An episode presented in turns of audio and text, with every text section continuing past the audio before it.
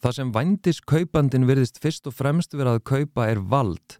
Vald til að gera það sem honum sínist, vald til að þurfa ekki að sína tillitsemi, vald til að svala draumorum sínum á annari mannesku, vald yfir líkama og líðan þeirra sem hann kaupir og síðast en ekki síst vald til að fara yfir mörg. Veganbúðin, Dominos og bakkjarlar kartmennskunar bjóðu på þennan þátt.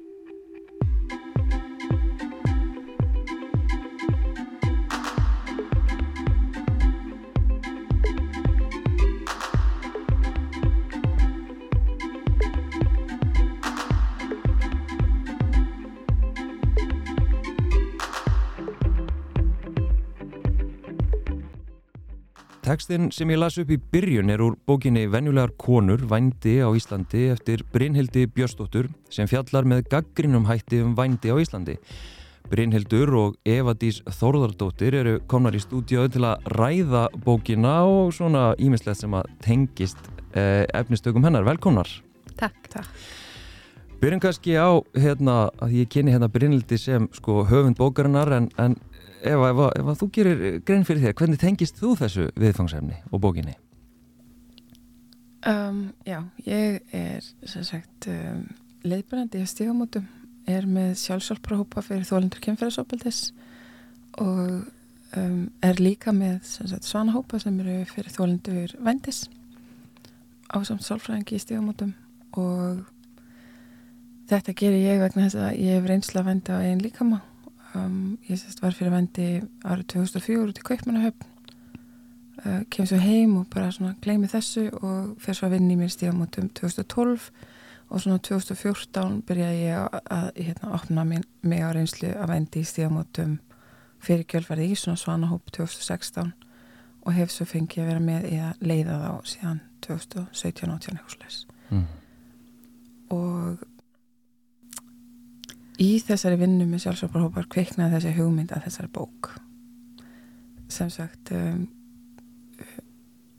mér vantaði mér fannst vantaði eitthvað vettfang til þess að eigðar ánkugmyndum fræða fólkum hvað þetta er og líka vekja bara áhuga á neyð hvenna og hérna með það markmiði að auka úræði fyrir þær og stuðning og já, fá svona svolítið samfélagi kannski með okkur í lið til þess að hérna breyta þess vegna þess að það eru margir sem að þjást í þessum vendisheimi sko. Já, þannig að, þannig að þú tekur ekki undir sko orðræðu þú veist, að því að verandi feminískur og í þessum hérna, þessu felti að þá svona, hefur maður tað með sér það að hlusta á já, fólk sem er jáðsett að einhverju leiti uh, og þú veist, og ég hef upplegað einhvern veginn þau sem er í vændi að vera jáðsett í íslensku samfélagi og einhvern veginn mínu upplöfun aftur er að rauðareglífin sé einhvern veginn að taka segja, til varna fyrir þennan jáðsetta hóp og ég er svona og það er á skjönu einhvern veginn við svona aðra orðræði sem að maður hefur heyrt.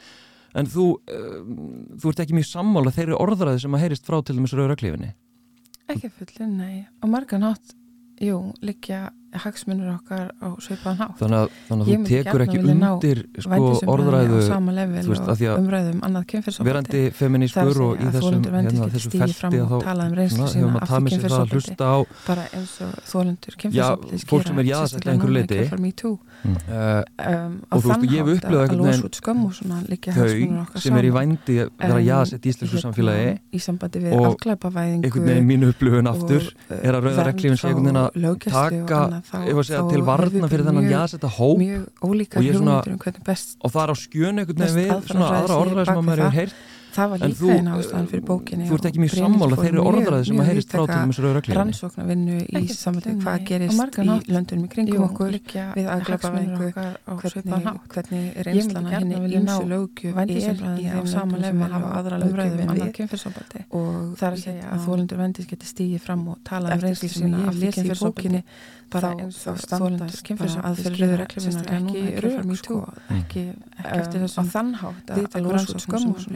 hagsmunum okkar saman. og það er líka komað fram í sambandi við afklæpavæðingu næstu mánu verðum frá lögkynna svipar tölur þá höfum við bara mjög um, ólíkar hefur svolítið hérna, best aðferðafræði talað síðan bak að við það. Það var líka og eina ástæðan fyrir bókina og við og fleiri mjög, mjög á rannsóknarvinnu í sömu hvað gerist í og lögða þau. og ég veldi stundu fyrir mér hvort að það sé virkilega þólendin er að tala innan rauðureklífunar eða hvort það eru þeir sem að hérna, eiga hagsmunna gæta sem þriðjaðili. Já, það er alltaf svo, svolítið hérna og mjög, mjög þarfur uh, hvað maður segja, vingill á umræðu um, um jáðsetta hópa. Ekkert um okkur án okkar. Mhm, og uh, Rauðareklifin hefur svolítið tekið þá sem sagt orðræðu en nú er í þessari bók tala sex konur og rauninu sjö með yfirdísi þannig að það er ekki hægt að hunsa þær rattir heldur sko. Og, og hérna það sem að við vildum svolítið gera var að eða ég, eða við sagt að uh, kanna þessi mál. Í staðin fyrir að sér bara sett, settar fram hérna svona hugmyndir eins og eins og sem sagt afkleipa væðing sem að þýðir að uh, kaup á vændi og sagt gróði og aðkoma þriðja aðila á vændi sem er þá allt frá því að vera bara einhvers konar það sem við köllum mellu dolgur á íslensku einhver sem að bara sagt, hagnast á vændi annara um, einhver sem að, sem að keirir vændis fólk millir staða svarar í síma, skiptir á rúmum hannar auglýsingar. Að hérna og þetta er raun allt saman ólöglegt á, á, á Íslandi í dag. Það eina sem er löglegt í kringum vændi er að, að, að, sagt, er að þeir sem að selja eru ekki sagt, eru ekki að fremja glæp. Að ég hlustaði á, hérna, ég menna því að hafi verið víða en eðlilega því að þessi bók var að koma út og hérna, þið viljum vekja aðdegli á henni að þá, hérna, fannst mér þetta svona áhugaverð beitt krítik á rauðuræklífina og ég ætla nú ekki að láta þetta snúast um rauðuræklífina að henni, hérna, fjárstættri sko, uh, heldur langa mig að að við fyrir kannski aðeins og eftir hérna að tala um, um kaupendunar, hverjir eru það og, og hérna, og hvaðan kemur þessi eftirspiln og allt svoleiðis, en þessi kritik sem að ég svona bara, wow, þetta er beitt. Það sem þið segi, man ekki hvað þið segi það hvort það var í einhvernum héttu falleg eða segðu mér hérna á rúf að helstu áhrifavaldar innan orðræði rauður, rauður eklífarinnar vilji hagnast á vændi er í rauninni ekki kynlífsverka fólk. Þetta er doldið já, beitt. já, við sögðum þetta kannski ekki alveg. Það sem við sögðum hins vegar var að þetta, eins og ég var að tala í báðan þetta fólk sem að hérna sem, sem, sem að hagnast á vændi annara án þess að vera sjálft í sölu hlutverkinu það er hins vegar hluti af hagsmunasamtökum sem að vilja hérna afglæpa væða vændi. Og það er bara mjög mikilvægt að svo staðrind sé upp á borðinu þegar þessi umræði er í gangi. Að það er ekki bara fólkið, sagt, kynlífsverka fólkið eins og það sem kalla sig sjálft sem hefur orðanæðina heldur er það líka allir hinnir og ég meira að segja í stórum samtökum í Breitlandi þar eru sko, það er bara hreinlega tekið fram á heimasíðunni, samtökin eru opin öllum áhuga, öllu áhuga fólki um vændi sem þýðir að meira segja að kaupendunir geta komið inn í þessi samtök og, og, og haft áhrif á orðræðu þar og áhrif á stefnumótun og svo frammeðis mm. og það sýnir sig í til dæmis Þískalandi þar sem eru sko talið að séu að minnstakosti 400.000 konur í vændi að það er ekki nema sko innan við 10% af þeim sem að hafa skráð sig að því að hluta, hluta af orðræðin er svo að fólki vændi geti skráð sig og fengið atunleysisbætur og sjúkratryggingar og annað ef þetta er viðkjönda svo hvert annað starf og kaupin séu löglega og svo framvegis mm. en það sýnir sig að sko það sé er ekki nema innan við 10% sem að síðan nýta sér þau réttindi sem er til dæmis fyrir hendi í Þískalandi mm. og af þeim 10% er ekki nema sko í mestalagi 5% sem eru virk innan þessara hagsmunasamtaka mm. þannig, að, þannig að sko þarna er misræmi í því fyrir hvernir verið að vinna og hver síðan hérna hefur röttina og áhrifavaldið Já. og fyrir þessi eru þetta margar ástæður og einn þeirra er svo að, að 90% þeirra sem er í vændi vilja ekki vera þar og sjá alltaf fyrir sér að vera bara í stuttan tíma smástundi viðbót, næmir út úr þessum skuldahala eða, eða þessu, hérna, þessu erfiða tímabili og svo er ég farin, svo er ég hætt. Mm -hmm. og þá vil ég ekki vera einhvern veginn að þurfa að fara á einhverja skrifstof og skrá mig af einhverjum lista. Og þetta sé alltaf á hérna á mínu, bara mínu sífi að, að, á þessu tímabili og það eru auðvitað sko, eru auðvitað snýst um skömm og, og skömmgafst samfélaginu sem er, sem er nokkuð sem mér, okkur finnst mér mikilvægt að uppræta. Mm -hmm. en þetta sýnir það samt að það er ekki vændis fólk í meiri hluta sem er að, að, að stjórna þessari orðræðu eða setja fram.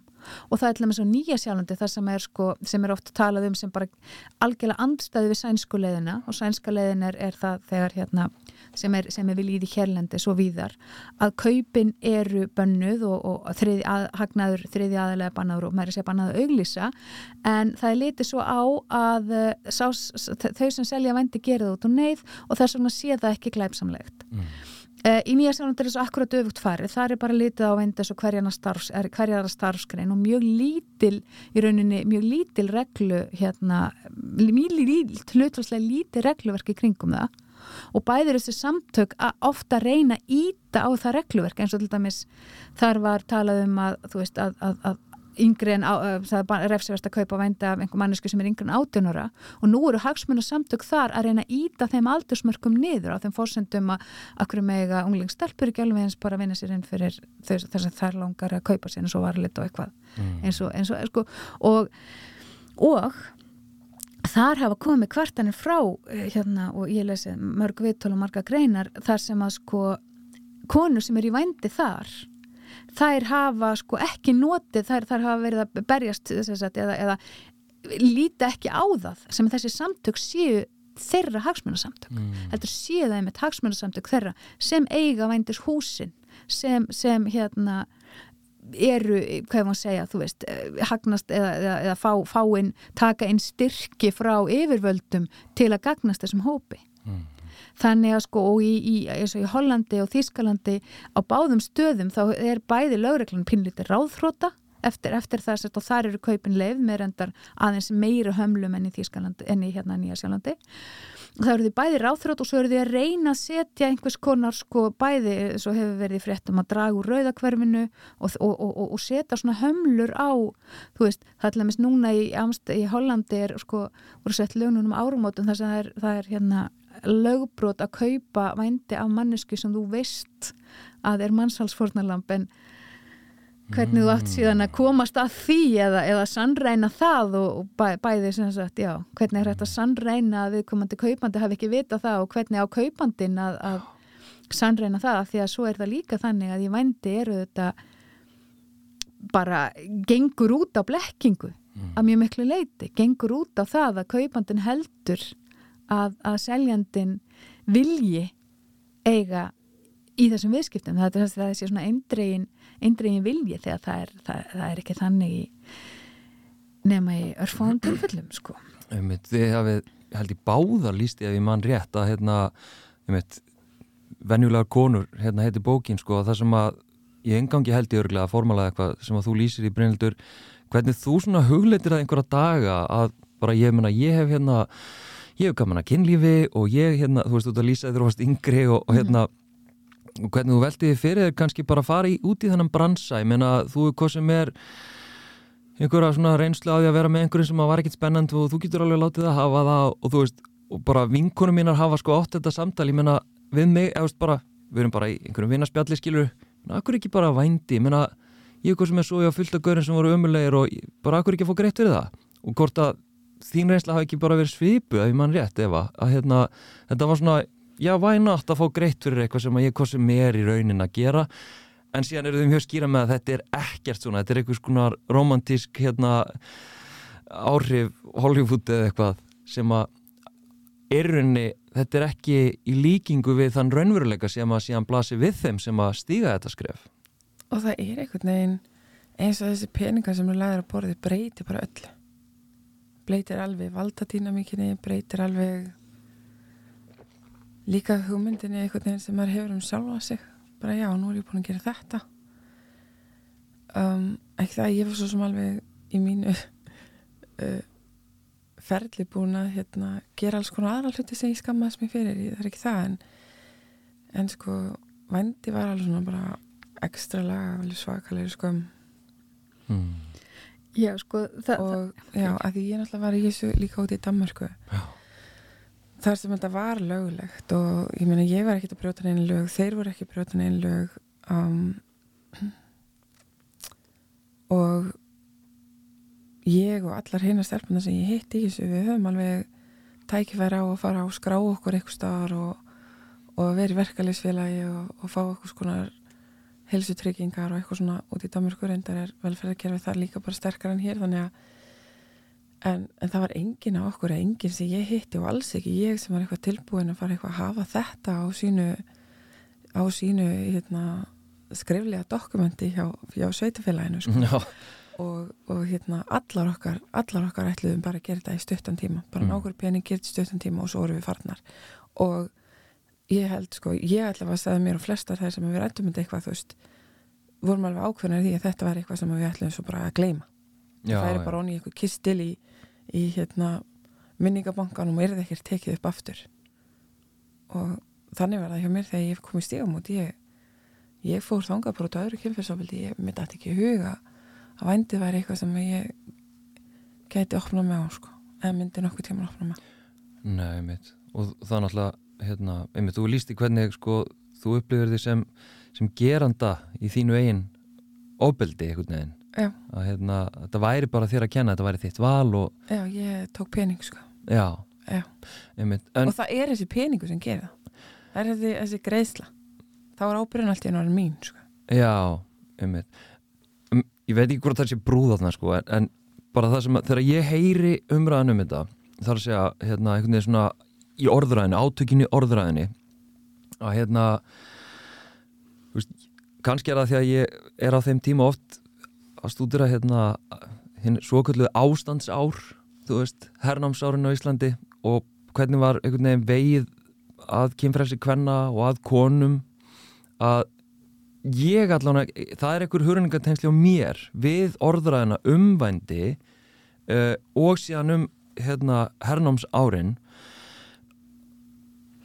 Já, það er mjög aðeinsvægt af því að ég skoðaði það í bókinni fjölmjölum fjöllun til dæmis um ástandið. Já, og þar er náttúrulega mjög skýr sko þegar maður skoðar það þó það hefur kannski ekki nættilega verið í orðanum á þeim tíma það er mjög skýrt. Annars vegar, þá er, er, er í rauninni, eru setta undir sama hatt, skindikinni eh, konur sem hafa gaman að fara að dansa konur sem að eh, trúlofast og giftast mönnum, erlendum mönnum og konur sem að eru í vændi og, og, og, og, og fá greitt. Mm, Þannig að þú sér það, þannig er, er búið að búa til einhvern risastóran hjálm yfir mjög ólíka hluti. já, það voru þarna ástasambönd ekkert síður en, en hérna, ekkert síður en bara svona, svona, svona greitt, greitt samskipti, sko. Já, að það, veist, það sem ég tengi við er sem sagt, ef að segja, siðferðis hlutin í umræðinni. Mm Þú veist, það er náttúrulega þessi jaðarsetning á, hérna, ef að segja kynljósverka fólki, ég veit að þið notið ekki það hugtak, en hérna, við notum það hugtak sem að þau eru að hérna, nota, sem að virðast vera að starfa þessu í dag, að hérna, þú veist, fordamingin er einhvern veginn á svona siðferðis, hérna, svona leveli, og, og, og svo einhvern veginn svona komum, ef að segja, við hérna forðinda feministarnir og hérna ég upplifi umræðan oft á þessum svona siðferðis leveli. Já, ég veit nú að segja í- mér, já, út í móa, mér- finnst þetta, frábært af því að þetta var einmitt það sem ég var að segja sko. að það er bara búið að setja allt undir sama hatt. Það skiptir einhver máli hvort þú bara átt eitthvað svona einnanættur gaman eða hvort þú ert í vændi í mörg ár af því þetta er allt saman bara konur að stunda kynlíf. Já. og það er ekki þannig og það við þurfum sko um, þetta nálgast þetta frá svo mörgum sjónarhóttnum en eitt af því er og við hefum hérna, erum með hérna með sko það er svo oft talað um samþykki sko. Mm og munurinn á kynlíf og nöðgun er samþykki, erum við ekki sammála um það?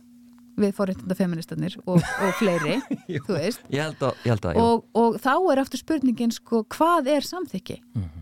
og við tölum, segjum til dæmis að þessi gett að suða sig inn á samþykki, það, það kom upp loksins mjög þarft hugtækum það þegar verið að rella og suða Mhm. og þanga til einhvern svona, ó, ok og svo líður illa eftir og svo framvegis. En er eitthvað frekar hægt að borga fyrir þetta samþykki? Mhm. Og er í rauninni og svo náttúrulega an, annað líka eins og hérna Þórti Selva, ég fekk að nota tilvitnin í hana fremst í bókinni að sko þetta snýst í rauninni ekki einu í samþykki heldur, um samþykki, heldur að þú sko í vændi þá afsalar þið réttinum til að setja mörg þú afsalar þið réttinum til að hafa smekk. Þú afsalar smekk fyrir bara eða að laða stað einhverjum eða ekki. Þú afsalar þið réttinum til þess að hérna vilja eða vilja ekki gera eitthvað ákveðna hluti. Það er það sem við erum að tala um. Við erum ekkert að tala um kynlíf. Við erum ekkert að tala um eitthvað losta, gagkvæman losta þó að leikritið snúist um það. Ég hérna, mér finnst líka mjög áhugavert og talar um forréttinda feministurinnir, já, ok um, það er mjög áhugavert að feminista séu að, að ræða málinn og taka þessu umræði og hvernig hefur við nú að hlusta? Á hefur við að hlusta á rauður reglífinni eða hefur við að tala eða hefur við að hlusta á þessa evidísi sem er hann að það veist ykkur fyrirvændi hóra á kaupmannhöfn og hvað hva hefur við nú að gera sko? Uh, ég fyrir identifæði frekar sem fyrirvændi hóra heldur en forréttinda feministi, þú sorry en, en ég er bara þar. Og já ok, nú stuðast ábyggilega margir að því ég nota orðið hóra. Mér finnst það bara margan hafa þægilega heldur en vendiskona því að vendiskona gefur í huga eitthvað svona eitthvað svona, eitthvað lúks og eitthvað svona og það er, við, við erum ekki þar. Nú skulum við bara fara on í svoran sem þetta er.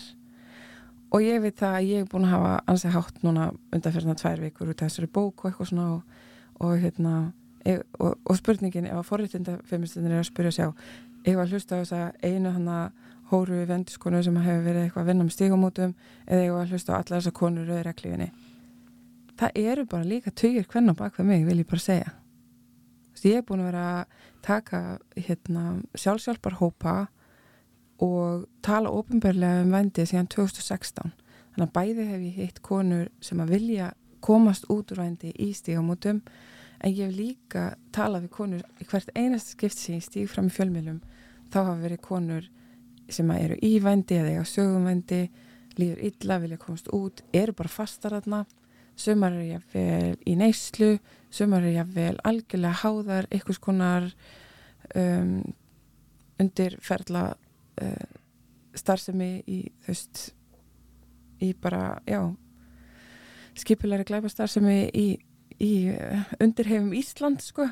Þannig að, þannig að sko ég álíta þannig að ég sé að tala fyrir miklu fleiri heldur en sjálfa mig jú, það hafa verið þannig ákveðna aðlar en á rauðreklífuna sem hafa stíðið fram og hafa hátt en sko, það er bara engin af þessum konum sem ég hef verið að tala við reyðubúin að eitthvað stíga fram Mm. með mér akkurat þessi ástundið núna Mm. þess vegna finnst mér svo mikilvægt að hérna að umræðan fara á það level sem að umræðan um kynferðsóbildi er. Svo þessar konur getur bara stíið fram og talað um sína reynslu, þær gera það vissulega í bókinni, sex að þeim. Allt konur sem eru orðnar flottar í dag, búin að vinna í sér komnar á flotta staði í lífinu og bara hérna eru komna með kraftin til þess að stíga fram og segja söguna sína, en samt ekki það mikið kraft að þær þóra að gera það eitthvað undir nafni eða í mynd sko. við erum bara ekki komið þangað en það er svo mikið vegt að við komumst þangað og bara líka svo fólk fatti, þetta er ekki eitthvað bara ég að hafa hátt, þú veist, ég er að tala fyrir tugi ef ekki hundra konur sko. Já og svo líka sko eins og við höfum margóft sagt við erum ekki að rengja upplifanir þeirra sem að tala fyrir rauðuraklifina, svo við séum alltaf að tala um Mm, rauðuraklifina mm. sem að eru bara samtök sem ég hlakka mjög mikið til að hitta í raunheimum og ég vona að þeir koma á málþingi og mér langar mjög mikið til að tala við þeirra því að mér langar til að við finnum okkur samiðina barátuflutt Já, að því að það, þú veist, og óhaf rauðreklífinni Mhm. að hérna með, þú veist, að því að það er bara orðrað, þú veist, það er Já. ólík orðrað frá Já. þeim, þess vegna er svo auðvelt að setja Já, það á, það. á, á þau, sko. Akkurat, En þetta er orðrað, þetta er svona, pólisir Það- orðraða. í rauninni það sem, við, að það, sem að, það sem við erum að segja er að það er ekki hægt, það er ekki loka fyrir það skotið og enginn segir að það sé loka fyrir það skotið að einhver geti verið í vændi og ekki skattastaði Mm -hmm. og hún segir það meira sér hún Anna Þóra hjá, sem að vinnur með Evidísi á stígamótum. Hún segir ég vona að það séu einhverjir hérna úti en þær sem koma til hennar þær hafa ekki þá sög að segja. Og Erlanda rannsóknir sína eins og ég sagði oft á þann 90% vilja hætta í vendi 90% vilja ekki nota þennan auðvelda og þægilega máta til að ná sér í peninga eins og, hérna, eins og, eins og mítan segir eins og, svona, eins og orðræðan segir. Þetta er bara rosa þægilegt og hægt bara lú, lú, lúksuslíf fyrir litla vinnu. Mm. um, þau 90% verða þess að taksmunu þeirra sem, a, sem að vilja þetta, sem vilja ekki verið í vændi verða að ráða verða að fá að, að, að hafa yfirhöndin í orðræðinni og svo líka af því við erum að tala um feminisma þá auðvitað klítur það að hafa afskaplega mótandi samfélagslega áhrif á viðhorti kvenna. Ef það er hægt og, og kynlífs ef það er hægt að kaupa aðgang að líkama og gera við hann það sem hann er sínist auðvitað hlýtur það að móta viðhorf í samfélaginu til, til hvenna og, og, og, og kynlífs og hérna og sko þa þarna er í rauninni og þarna þurfum við í rauninni að taka sko uh, minni, þess, að, þarna þurfum við í rauninni bara að taka sko hug, segja, hugmyndafræðilega orðræði um hvaða áhrif hefur það. Við, við, við, höfum, við höfum verið að berjast við hlutgerfingu árum og áratugum saman. Það er ekkert meiri hlutgerfing en að geta keift aðgang að líkama og gera við þann það sem það sínist og hverki annar staðar er þetta um einhverjum í hug að kalla það starf að kaupa þennan aðgang að líkama.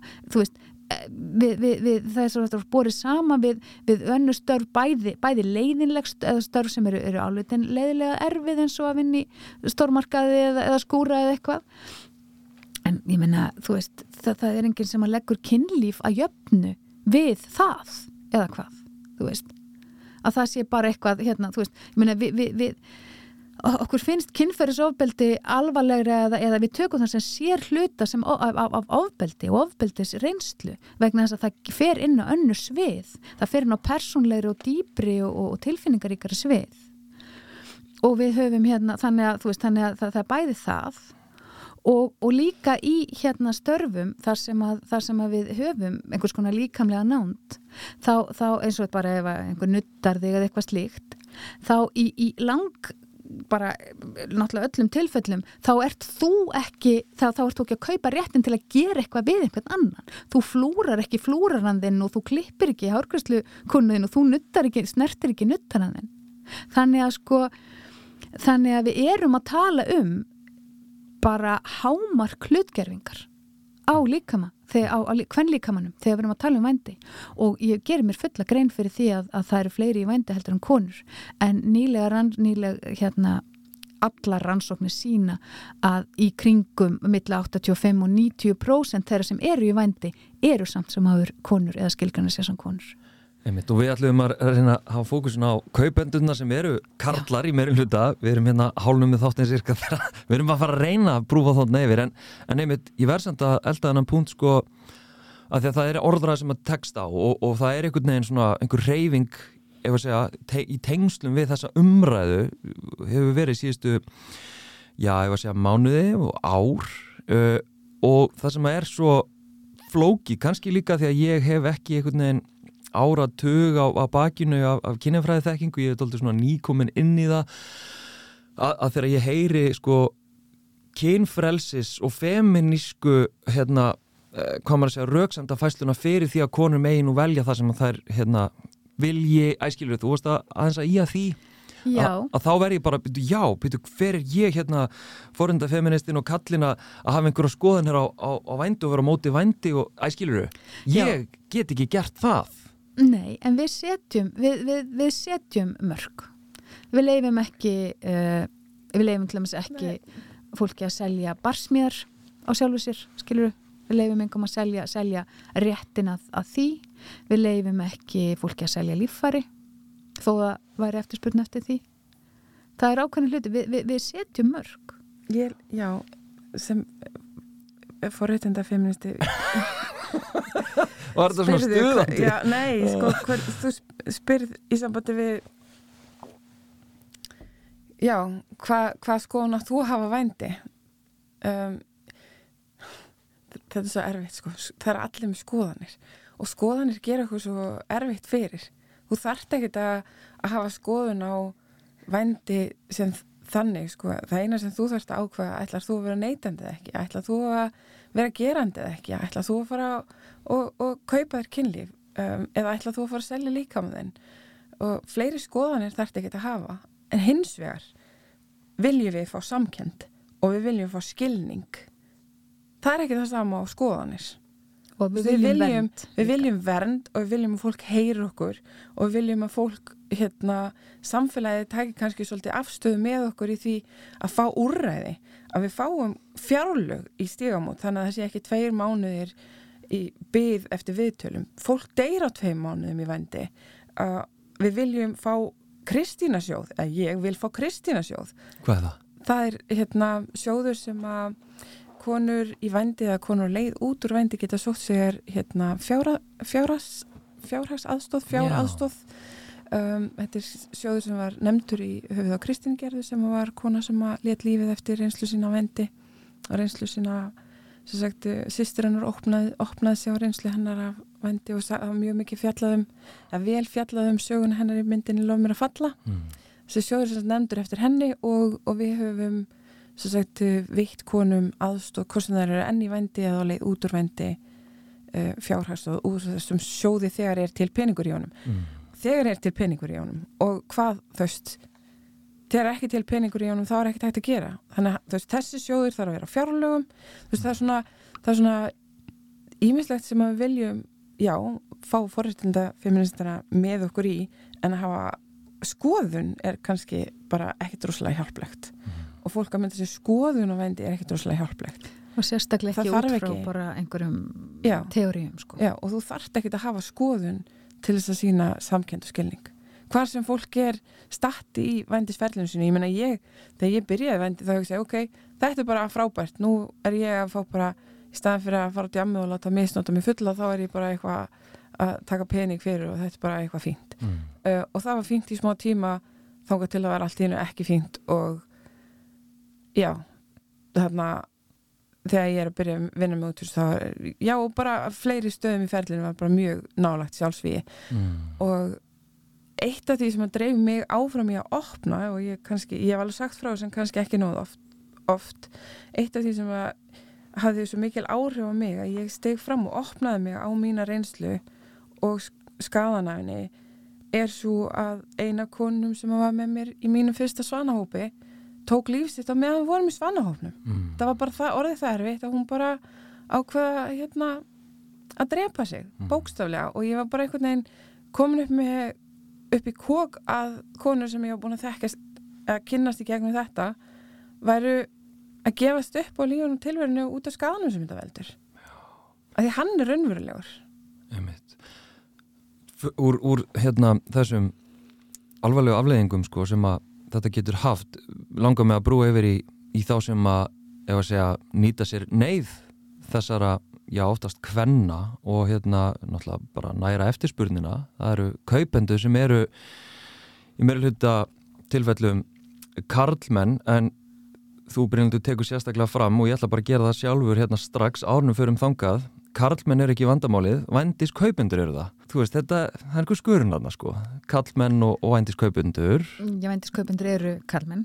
Og, en, og, og, mér, já. og mér langar að fara hérna til Íslands. Mér langar að gera þetta nálægt okkur af því að við hugsum oft, held ég við viljum svona aðra alla umræði þú veist, þetta er eitthvað sem er fjarrri okkur og eitthvað, en við erum alveg að tala um að, að hérna vændi þrýfst á Íslandi, þú veist, það er fullt það er fullt af eftirspurn eftir vændi, það eru fullt af mönnum að kaupa sér aðgengi að, að líkumum kvenna. Á Íslandi það er bara eitt nýleitt dæmi sem að hérna, hefur svona komið upp. En annars ríkir einhvern veginn fullkomið lend yfir þeim sem að kaupa uh, vændi Já. sem að minnst ótrúlega áhugavert og, og hérna Sigurður Björg sko, ríkislaurugsljóri hún haf, let hafa eftir sér ég held alveg öruglega á upptöku eða eitthvað allan á ofnbörlega, þetta var ekki í trúnaðarsamtali okkar á milli, þar sem hún sagði það er mjög áhugavert að það er ímislegt sem hefur lekið frá lauruglunni en aldrei nokkuð tíman hefur listi yfir kaupundur lekið hún sagði þetta, henni þótti það áhugavert sem að mér þótti brjálæðislega áhugavert það sem ég taldi þá hún var að íja að einhverju sem að síðan eftir því sem að ég tengist fleirum í, í feminismanum ég áttaði mig á, já, ok, ég skil hvers vegna þetta hefur aldrei lekið því að það er ok, ég er að ranta rosa mikið. Ég veit alveg að þetta eru venjulegi menn líka en þetta eru líka alveg óbáslega ekki venjulegi menn. Já, og það er fullt af venjulegum mönnum sem eru ekki vendiskerendur sem að já, sem að? Sem að kannski vilja ekki hérna, vera bendlaðir við þessa orðaði það er engin, engin kallmaður sem að vil eitthvað hérna, vera bara á, á vappi í sínu daglega amstri og vera litin hotnauga og hugsa að þessi sé að kaupa vændi. Þessi löggefum rosalega áhugaverð hvernig við tókum hann upp á Íslandi þessi sænska leið vegna þess að við við veljum sérst, að, að vernda þólundu vændi sem er því að, að leifa þeim sérst, að selja og hérna gera kaupetuna og sérstaklega þrið, hagna þriðja aðala ólögulegan mm. en svo einhvern veginn faraði lengra með löggefuna í áttuna að vernda kaupenduna. Þannig að þeir fá þessa nafnleint þannig að einhver í vændisheiminu vil stíga fram og kæra kaupandansinn, gerandansinn þá þarf viðkomandi, svo sem kæri yfirleitt kona að fara á að gefa skýsli hjá lauruglu undirnafnu og kennitölu og fá það sem sagt á, á, á sín skjöl að, að hún sé vændistólandi en vændisgerandi fara að vera nafnlaus. Og alveg í gegnum allt kæriferðli fara að hafa nafnlaus að því að domstólnir hérna hafa litið svo á að það sé of ærumiðandi og of særandi fyrir fjölskyldu og aðstandendur kaupanda að, að það komist upp að, að hann hafi gert þetta en hins vegar, hins vegar þarf hérna mændissalin eða þólandin sem sagt að afhjópa sig og það er það er ofbóðslega lítið um að að hérna að vændisólindur gerir þetta að þeir fara á kæri bara mm. gerist nánst ekki sko. og það er mjög aðtilsvært að sagt, samkvæmt þessu eða bara í framhald af þessu þá sjá, bara, sjáum við það að við teljum vændiskaup alvarleiri glæpi heldur en til dæmis uh, nöðkanur og morð Já, vegna þess að við nafngreinum bæði nöðgar og morðingja í dómum sko. en svo er líka sko, viðurlegin við, við vændiskaupum eru yfirleitt sko, bara einhverja fjársektir þetta er bara eitthvað svona svipa og umfyrðalagbrott sko, refsir á minn mm -hmm. þannig að sko löggefin hefur ekkert rosalega mikinn fælingamátt um, þannig að það væri, það væri svona, já, svona smá draumur hjá mér að, að hérna, löggefavaldið tækið smá skýrari afstöðu í, í þessari löggef og, og já En í sko, ég meina að þú skoða rannsóknir hérna Brynildur, ég meina hvað segja, hvað, er ekkert sem að hvað segja, skapar þar aðstæður að karlmaður velur það að kaupa sér aðgengja líka maður annar mannesku? E, jú, við ég minna vissulega, sko, samkvæmt rannsóknum þá er ekkert, þá er engin, engin starfskrein undan þegin, eða þannig, skiluru, mm. það er mhm. korki efstulög samfélagsins nýð þau neðstu og það er allur skalinn þar á milli. Mm. Það sem vændiskaupundur eiga sameiglegt er að þeir hafa aðgangað fjármagnir sem þeir þurfu ekki að gera grein fyrir. Mm. Þeir geta, sem sagt, já, lagt inn eða borgað eða sem sagt farið fari fram hjá með tekjur sínar. Um, hvað er það að segja, flestir á aldrinum 30 til 50 ára samkvæmt einhverjum, einhverjum ansóknum um, flesti giftir við sambandi. Vá, wow, það er mest að ótrúlega áhugavert. Já. Mér finnst það líka rosalega áhugavert því að sko mín reynsla úrvændi er, jú það er alltaf svona viss, viss hlutvall af kallmönnum sem að voru bara að leita eitthvað svona kynferðsleira útrás en alveg ofbúslega margir eru að leita að námt og þeir sem að meira segja þeir sem komum bara fyrir kynferðslega útrás voru ábyggilega að einhverju hluta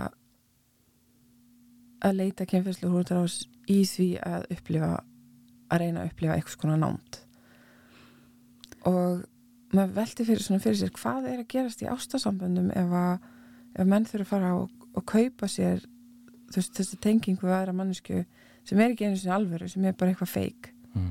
uh, til að finna þessa nám Ég, ég ímynda mér sko hérna, einhvern veginn svona að þetta sé einhvers konar náttúrulega staðlýmyndin að kaupmyndum er sko, þetta eru menn sem að hafa ekki kost á kynlífi með öðrum hætti. Þannig eru því svolítið búin að slá það út á borinu þetta eru flestir í samböndum. Uh, eða þetta sé einhvers konar stundar brjálaði eitthvað svona menn bara svo graðir að þeir bara já já nú er ég að fara hérna, klá mér ekki nóg veist þannig að hérna, ég fef bara á mm. og kaup mér aðgengi að einhver annari mannesku þannig að þá, þá, þá, þá ímyndaði mér sko að það sé einhvers konar hamfar en, en þú ert líka að slá það einhvern veginn út á borðinu að þeir sé að sækjast í nánd þannig að Ég held svona, þú veist, ef við fyrir að skoða bara manneskina sem svona heild, þá er þá er þá er þessi þörf fyrir kynlíf, þörf fyrir þörf fyrir þessa snertingu og kynferðslu og útrás í botnin botnin alveg það sem er að bakvið, bakvið, bakvið þetta allt saman er þörfin fyrir nánd. Svo erum við náttúrulega bara orðin svo opuslega aftengt og ruggluð að, að hérna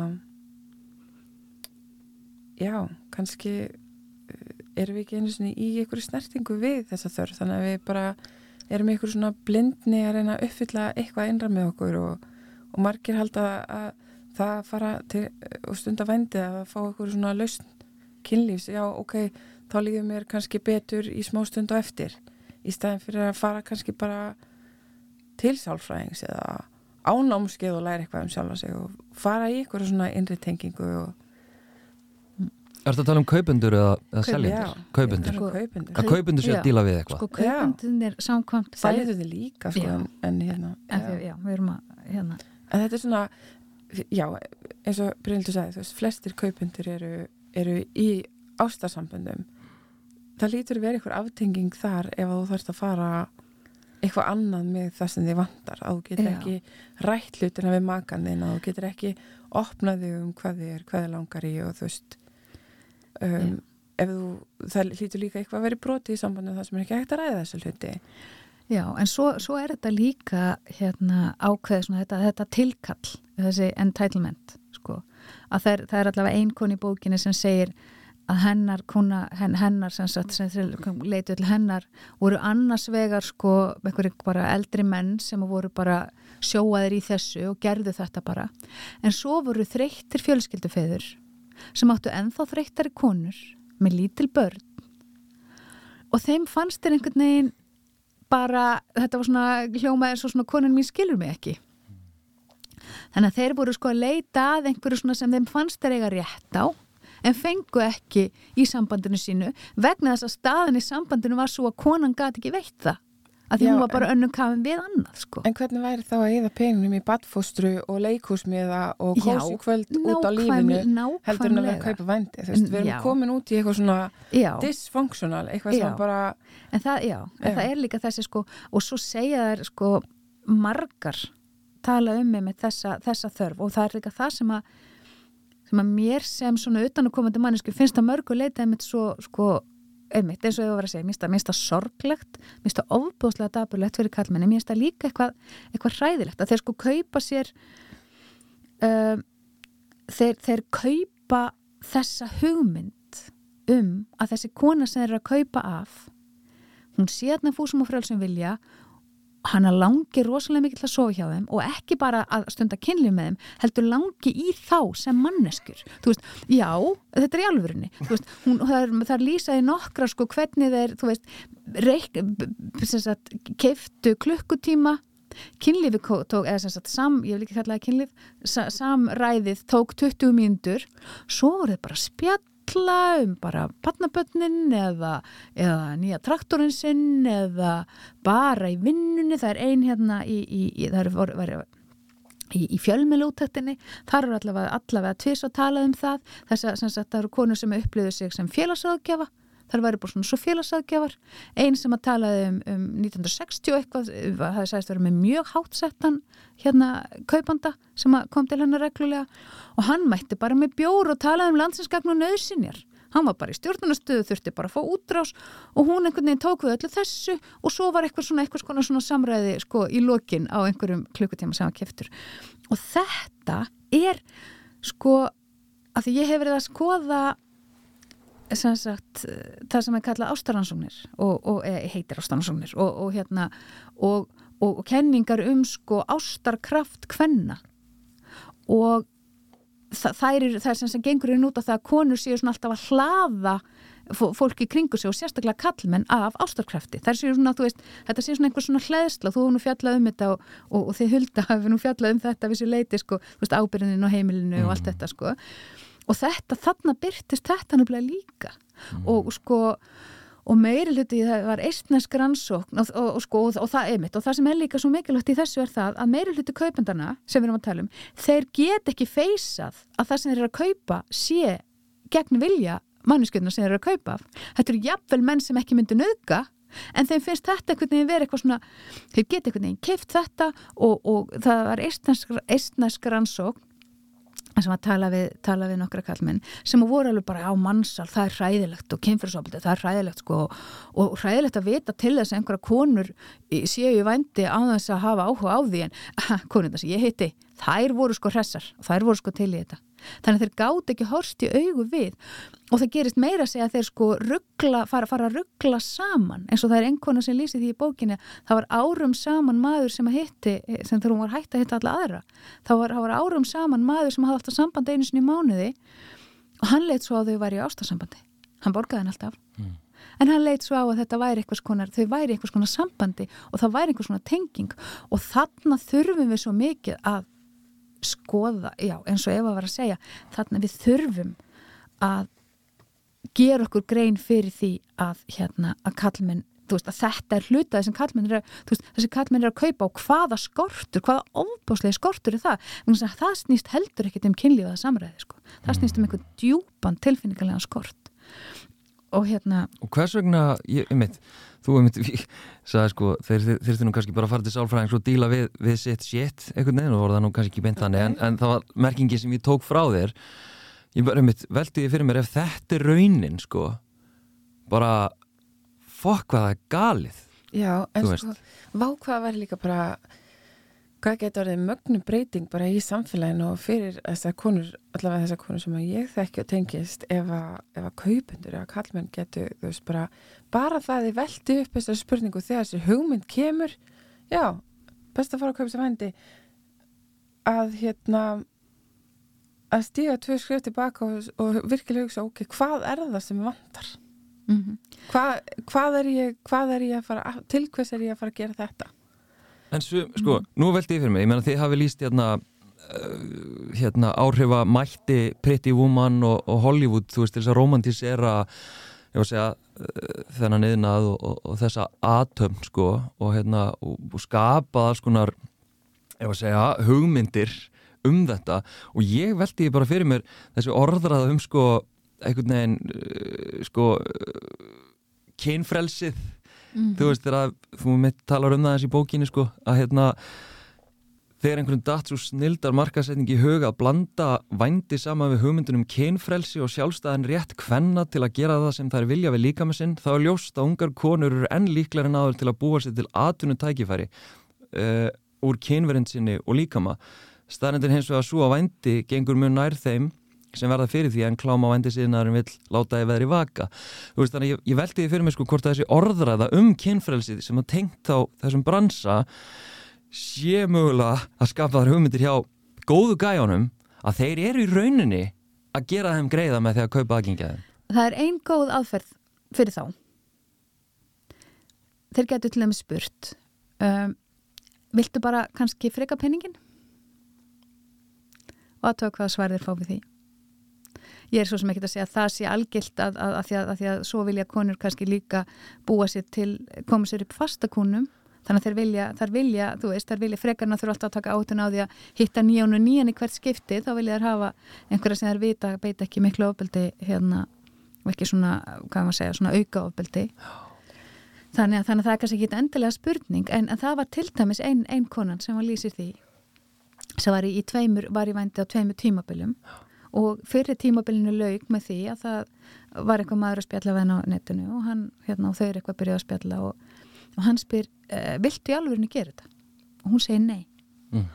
og það endar á því að hann kemur í heimsók til hennar fær tebólla, þau spjalla eitthvað og hann skrifar út hérna, reikning fyrir einhver ég man ekki einhvers konar þjónustu fyrir fyrirtækisitt mm. og lætur hann að fá upp að sem að retta henni út úr þessum, út, út úr hennar krökkum sko okay. þannig að þú veist, já En sko marga konur dreymar um eitthvað svona gaur sko, þeir, þeir vexti ekkert á trjónum Þetta er svona pretty Nei, woman. Þetta er svona pretty sem... woman, já.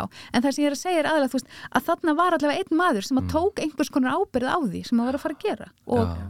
steg frá því. En þú, ég menna, þú veist, út í svanahópnum hérna Eva Dís og, og hefur heldur betur þá insýn inn í bara, ef að segja, svona frekar körrent reynslu hvenna af þessu á Íslandi.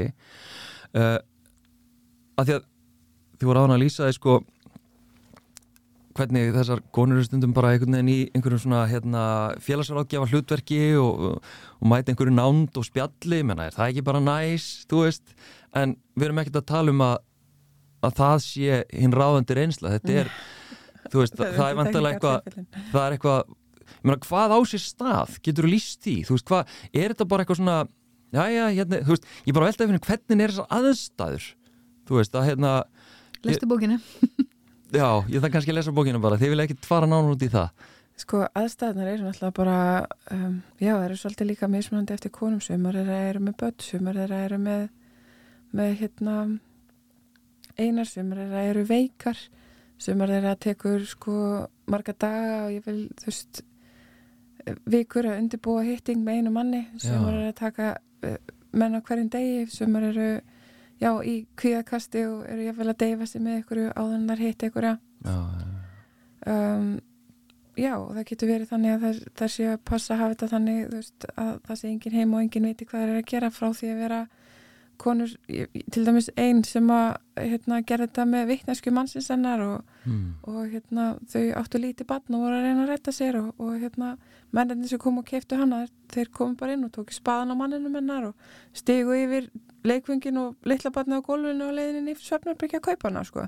þannig að þú veist, aðstæðunar eru rosalega mismunandi um, og menninni eru rosalega mismunandi þetta eru, veist, þetta eru allir þetta eru engin sko.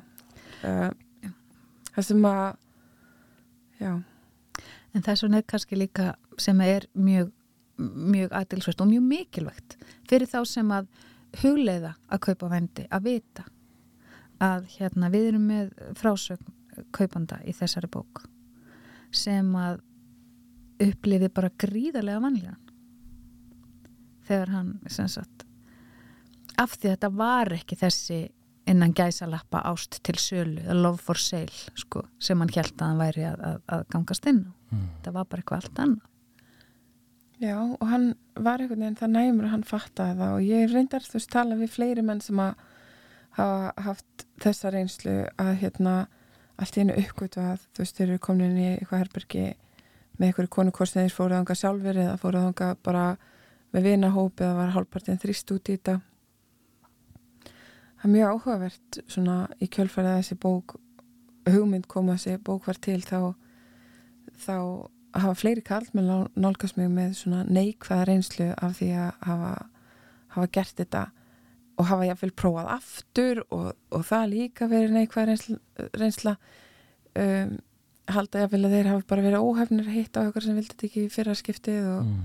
og hérna að næst ætli þeir sko að hitta þessa sem var svona hamingisam að glaða hórana því að hún ávist að vera til ykkur starf um, já og mér finnst mjög áhugavert að heyra sögur sem kallmanna að þeir séu að burðast með sömu skömmu við og eitthvað svona lindarmál sem þeir vilja helst ekki að þeir að nánustu hérna, komist að. Og það, mér finnst það það rosalega áhugaverð vingil að það, það virðist vera sko skaði í báðar áttir Ég, einmitt, af því að það hefur oft verið talað um sko að það er, það er hugtak í kringum vændi sem er sem sagt victimless crime, sem sagt glæpur án fórnarlams, Mm. bara allir hagnast Mm. en við vitum það að í langstæstu meiri hluta tilfella þá skadast sá sem selur og nú erum við að sjá alltaf betur og betur að kaupandinn gengur ekkit endilega alveg heill frá borði líka sem að síni sig til dæmis í því eins og Eva Tís var að segja að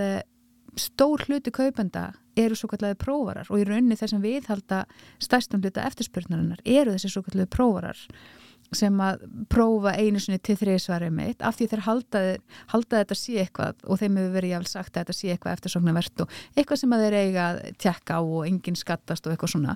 Og svo eru þau bara í ruslu og ég var til dæmis að frétta af um daginn útskriftarhópi og þetta er sko, já, útskriftarhópi og mentaskóla íslenski strákar sem fóru til útlanda og, og munuðu hver annan upp í þessa reynslu. Og uh, bara upplifuðu alveg svakalega mikla vanlíðan og svakalega mikið tráma veist, og þeir og sko þetta er líka bara óbúslega mikilvægt að kallmenn viti að þeir eru, það, það er búið að markasetja bara eins og, eins og með alls konar vörur og hugmyndir, þá er búið að markasetja fyrir þá að þetta sé að vændi sé svona hins einn og þetta, þú veist, og þeir eiga, það, það verði það sé eitthvað sem þeir fá út úr þessu. Og svo markasetning bara stennst ekki í nema í einhverjum örlitlum, örlitlum hérna, eftir, ég get ekki ekki fullist um reynslu allara sem er í vændi. Ég get það ekki, ég má það ekki og ég vil það ekki. En svo reynsla samt stennst ekki nema í, í örlitlum hluta þessara samskipta. Og, og fyrir utan það líka bara aftur eins og ég segja að þú ert einstaklingur sem getur ekki, sko, sem finnst kynferðis, eitthvað aðtjóðvert við kynferðisofbeldi þá getur ekki keft vændi vegna þess að samþykki sem þú kaupir er ekki samþykkið sem að skilgreinir á milli kynlífs og vændis. En eða kynlífs og ofbeldi seg mm. það, það, það, það er, er skilgjarningaratriði eins og einhver segir í bókinni. Það eru sömu lífæri sem koma við sögu. En við erum með mjög ákveðna skilgjarningar á því hvað er kynlíf og hvað er ofbeldi. Mm. og, og hérna og bara vændi uppfyllir ekki skilgjarningar skilsina, bara greiningar viðmið fyrir kynlíf, það bara gerir það ekki. Mjöna, þið viljið breyta þessum veruleika, þið viljið draga úr eftirspurninni og hérna og, og einmitt, bæta aðbúna þeirra sem að verða fyrir þessu. Já, en svo er sko svo er það dýbra Já. ef ég má fara, að því við erum í feminísku þætti þá er verði að fara aðeins dýbra að því vændi er í raun og veru ekki vandamálið það er byrtingamind vandamálsins. Vandamálið er laun ómentaðara kvenna þar er, þar er vandamálið. Sko þegar við skoðum aðeins, þú veist, feminisman í Íslandi svona aftur í, þú veist 1970-1980, þá var hann svolítið svona fjallaðum aðgengi hvenna að velunum störfum aðgengi hvenna að uh, störfum sem voru jáfnveil bara karlastörf og eitthvað svona. Í, og áherslan hefur verið svo mikið á að, að við erum að menta okkur og við erum að komast í góða stöður og eitthvað svona. Í stað þess, reyndar er Solvunanna að þess að breyta þessu með í eflingu, en í stað þess að, sagt, að bara leggja áherslu á að konur fái vel launuð störf og að leikskólakennarar séu almenna launaðir og að þær sem að sjáum að þrýfa eftir okkur og hugsa um gamla fólki að, veist, að þessi störf séu bara almenlega launuð og það sé ekki svona svakalegur munur á hérna já, eins og bara bankastörfum og umönunastörfum þú veist, það myndast, það hefur myndast eitthvað svona gjá á milli launa í mismöndi stjættum mm. og það er það sem við þurfum að vinda ofan á að laga og trúðu mér hérna, ef að ómentar konur ættu aðgengi bara að góðum velunum störfum, þá getum við miklu betur tryggt að, að þær sem að fara í vendi séu þær sem að vilja það mm. Að því þá eru valmöguleikar. Þetta er alltaf að tala um, þetta er val, hún valdi þetta. Höfum þá eitthvað valmöguleika? Einmitt og, og eins og kemur líka fram í bókinu og ef við bara þetta er málið, þetta er náttúrulega málið. Mm. þetta er málið. Þetta er málið. Og málið er líka það að inn í félagslega kerfin okkar eru svakalega gloppur. Já, og við þurfum að fara já. að breyta veist, þessum feminísku áherslu að því að, jú ok, það er frábært að konur getur farað í kallastörf en sko, konur eiga líka bara að fá að vera í umunni og fá að vera í þú veist, kvenleikanum sínum og fá að vera, þú veist konurna sem við erum og fá bara almenn laun fyrir það mm -hmm.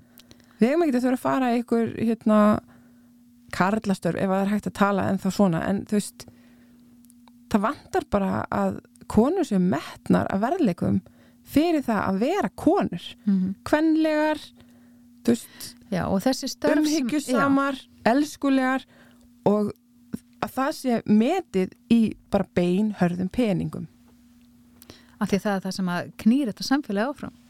Það er bara, og það er þessi, þetta er bara þetta sem ég var að tala um áður með ástarkraftin sko, að það er í rauninni hagfræðilegt hugtak sem að er samfélaginu bara, sem, sem, sem að knýr samfélagið áfram, ekkert síðar, síður en sko vinnukrafturinn, eins og talaði mann hjá Karl Marx, veist svo við séum nú alveg komin þanga, mm. komin út í margs og allt saman, en, en sko en, en, en þessi, þessi kraftur og við hefum bara talað við hefum bara talað um þetta miljón sinnum veist, að, að, að hérna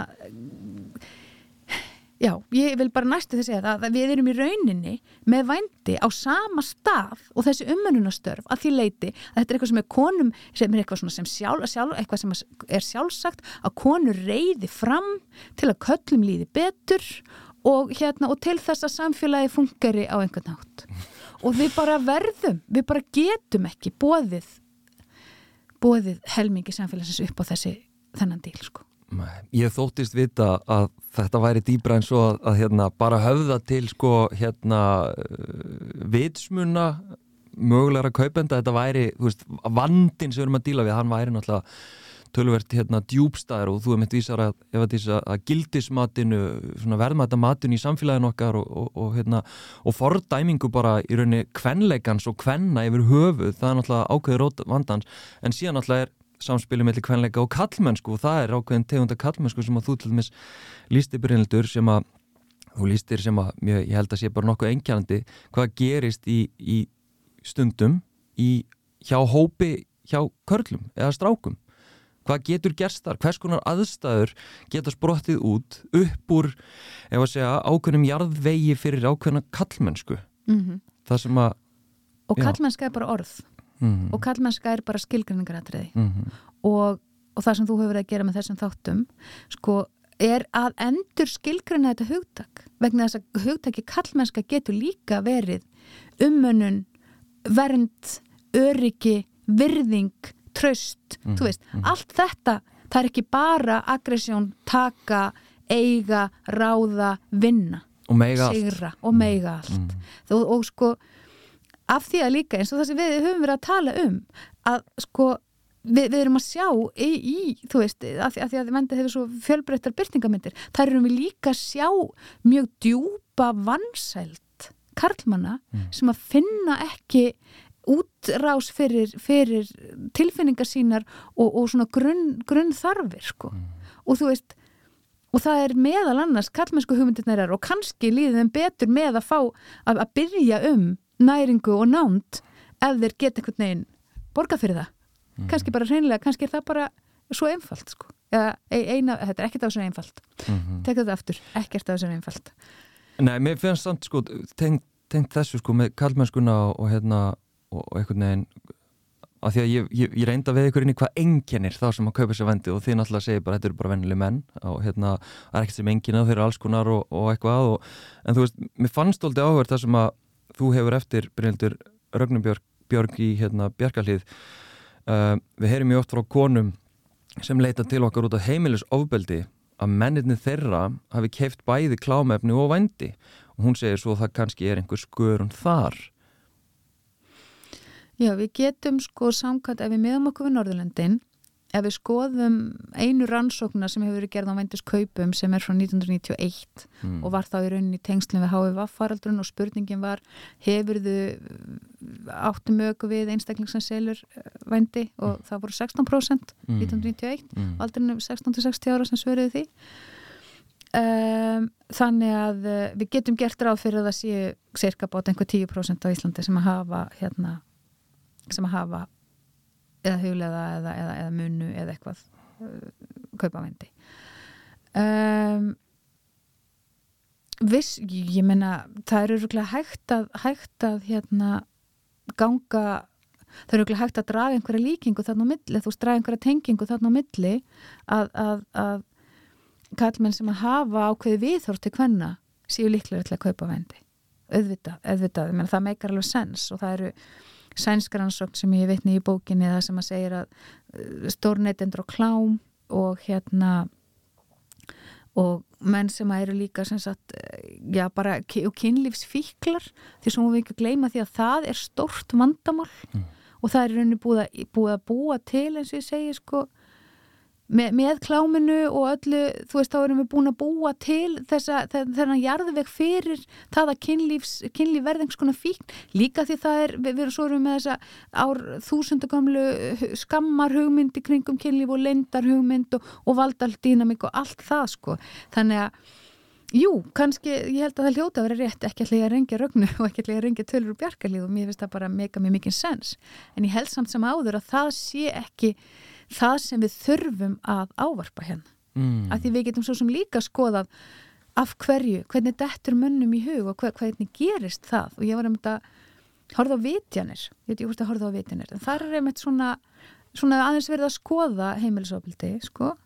Og maður bara veldi fyrir sér veist, hvernig gerist það að einhverjum dettur í hug að, að, að beita að, að koma að þann hátt fram við þá sem honum þykja vænstum í heiminum eða á að þykja Mhm. vænstum í heiminum mm Mhm. veist, úr hvað, og það er að við komum aftur, alltaf aftur og aftur að að þetta er þetta er, vand, þetta er vandamál þetta er, hvað maður segja, þetta er vannæring tilfinningaleg vannæring eh, Karla byggða á, á samfélaginu Mhm.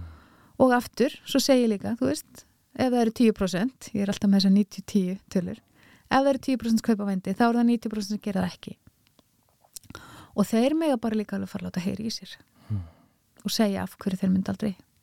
Og af hverju, af hverju það er og bara í öllu náttúrulega, og það er auðvitað og það er líka að gerast núna, það er frábært. Það er óbúslega gott að finna það það er, er, er, er að koma fram.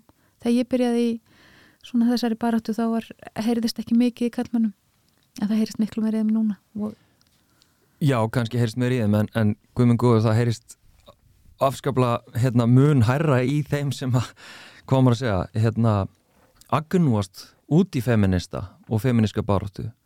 Sá hópur er aðeins áhrifa meiri upplifi ég oft í svona í orðræðinu sko þannig að, að því að það eru ansi margir kallar sem að upplifa bara illa vegið að sér og, og nú sé nú jafnbrytinu bara náð og hérna hver ætlar að fara að hugsa um strákan okkar og skilu allt þetta Mhm. En við þurfum að hugsa um strákan okkur, við þurfum greinilega að hugsa um þá, en við þurfum kannski ekki að hugsa um það á þann hátt að þeir, þú veist, þurfi að hérna, fá aftur að vera fleiri í háskólanum eða, þú veist, við þurfum að hugsa um þá til þess að þeir fái þá næringu sem þá greinilega svo sárlega skortir. mm -hmm. Og hvernig væri að byrja því að, að hérna að borga þe- þeim sem að hugsa um þá í leikskólanum og hugsa um þá í skólanum almenni laun. Amen, húrra fyrir því, Mhm. nákvæmlega. Ef ekki byrja þar bara. Ég held að, ég held að hérna, það verður rosa gott fyrir stráka. Já, að fá almennilega. Ég er ekki að segja það, það eru kennar ræðisleir og, og hérna, leikskóla kennar ræðisleir en þau eru ábyggla miklu glöður í vinnunni ef að þeirra störf verður metin til fjár, sko. Og þið þurft ekki að vinna aukaðinu. Já, og mæti það reyndi vinna og allt það, sko. um, líka bara veist, fá fleiri karlmennin í þessa stjætti þannig að, þannig að litli strákar hafi karlmenn í sínum daglega amstri sem að þeir geta að spegla sig í. Og þá er ég að meina einhverja aðra karlmenn heldur en þá sem það sjá í sjónvarpinu eða í fótboltanum eða íþróttunum að, að sjá bara venjulegan karlmann sem að er að hugsa um börn í starfinu sínu það væri til dæmis alveg bara stert fyrir unga stráka að sjá það Algjörlega Algjörlega, hérna þeir eru alveg til, þeir eru bara okkur vantar fleiri. Já, þeir eru til, en síðan náttúrulega þú veist, oh, ég ætla ekki, jú, ég ætla að flækja það því að það sem að gerist, sko, það sem að þeirra strákar að kalla stíga inn í, til dæmis inn í leikskóla, bara kemur núna í hausin á mig sko rannsókn hérna úr úr leikskólaumkurinu, að hérna það sem að gerist þá, þar í rauninni var bara dýnamikinu viðhaldið inn á leikskólanum sko, þeirra kalla stíga inn í, inn í leikskólan þetta er eini íslenska rannsókn fyrir nokkur mánu síðan að það sem að gerist var að, að, að korundar held áfram að sína ummyggjuna og skipta og, og umbönununa en strákarnir voru í aksjón og leika fattiði, þannig að við heldum í rauninni bara, við vorum að reyna að brjóta upp kynjakerfið en við, heldum því bara inn á leikskólum. Þú veist, þannig að það, við erum líka að passa að það gerist ekki þegar við erum að kljúfa Já, svona munstur Já. Já, en sko, ég er ekkit vissum þarna er ég kannski ekki nú feminísk mér finnst alltaf lægi að þessi, þessi, þessi kynjahlutverk haldist mér finnst alltaf lægi að þessi kallin sem er að, sem er að leika og konunar sem er að, hugsa um. Í staðin fyrir að það sé bara konurinn á leikskólan vegna þess að þetta sé svo illa launað og, og hérna þær séu bæði þær sem er að leika og þær séu þær sem er að hugsa um og þær séu þær sem að gefa borða og þú veist að, og hvert sem að lítil, strákur lítur þar eru bara konur sem eru að hugsa um hann en, en, en, en svo eru kallanir þeir sem að fara í jakkafötum unna mm. í eitthvað banka að búið peninga og þú veist þa það er, er meira brenglað. Ég held að það fyrir lítinn strák að hafa karlmann á leikskólanum sem að fer í djókið og leika við hann og jáfnvel kannski huggar pínu ef að kemur, veist, pínu bátt í, í leikin, sko. Ég held að það, það ger alveg óbúslega mikið fyrir litla stráka að sjá, sjá karlmenn í, í, í svoleiðis leik. Mm. Og verður kannski til þess að þeir sjálfur ef, ef þeir fá huggun frá kallmanni að þeir kannski geti leitað, leitað huggunar þeirra huggunar sem þeir þurfa án þess að þurfa að borga fyrir hana Ég er nefnilega alls ekki á þeim starfa við þurfum að þurka út eitthvað kynjahlutverk. Ég vil bara kynjahlutverk sem metin japs, hvort sem þetta eru kvennhlutverk eða kallhlutverk. Til fjár. Já, Ég veit að það er alltaf hugsa um, já, mamma var indislega og, og, og allt það, en borgum mömmu bara almenni laun, skilur við. Ég er að reyna að setja hérna einhvern endapunkt á þetta. Já, Er eitthvað að lókum, svona sem að þið vilja hamra á Já, hérna, mamma þarf að fá borgað. mamma þarf að fá borgað Já, Brynhildur.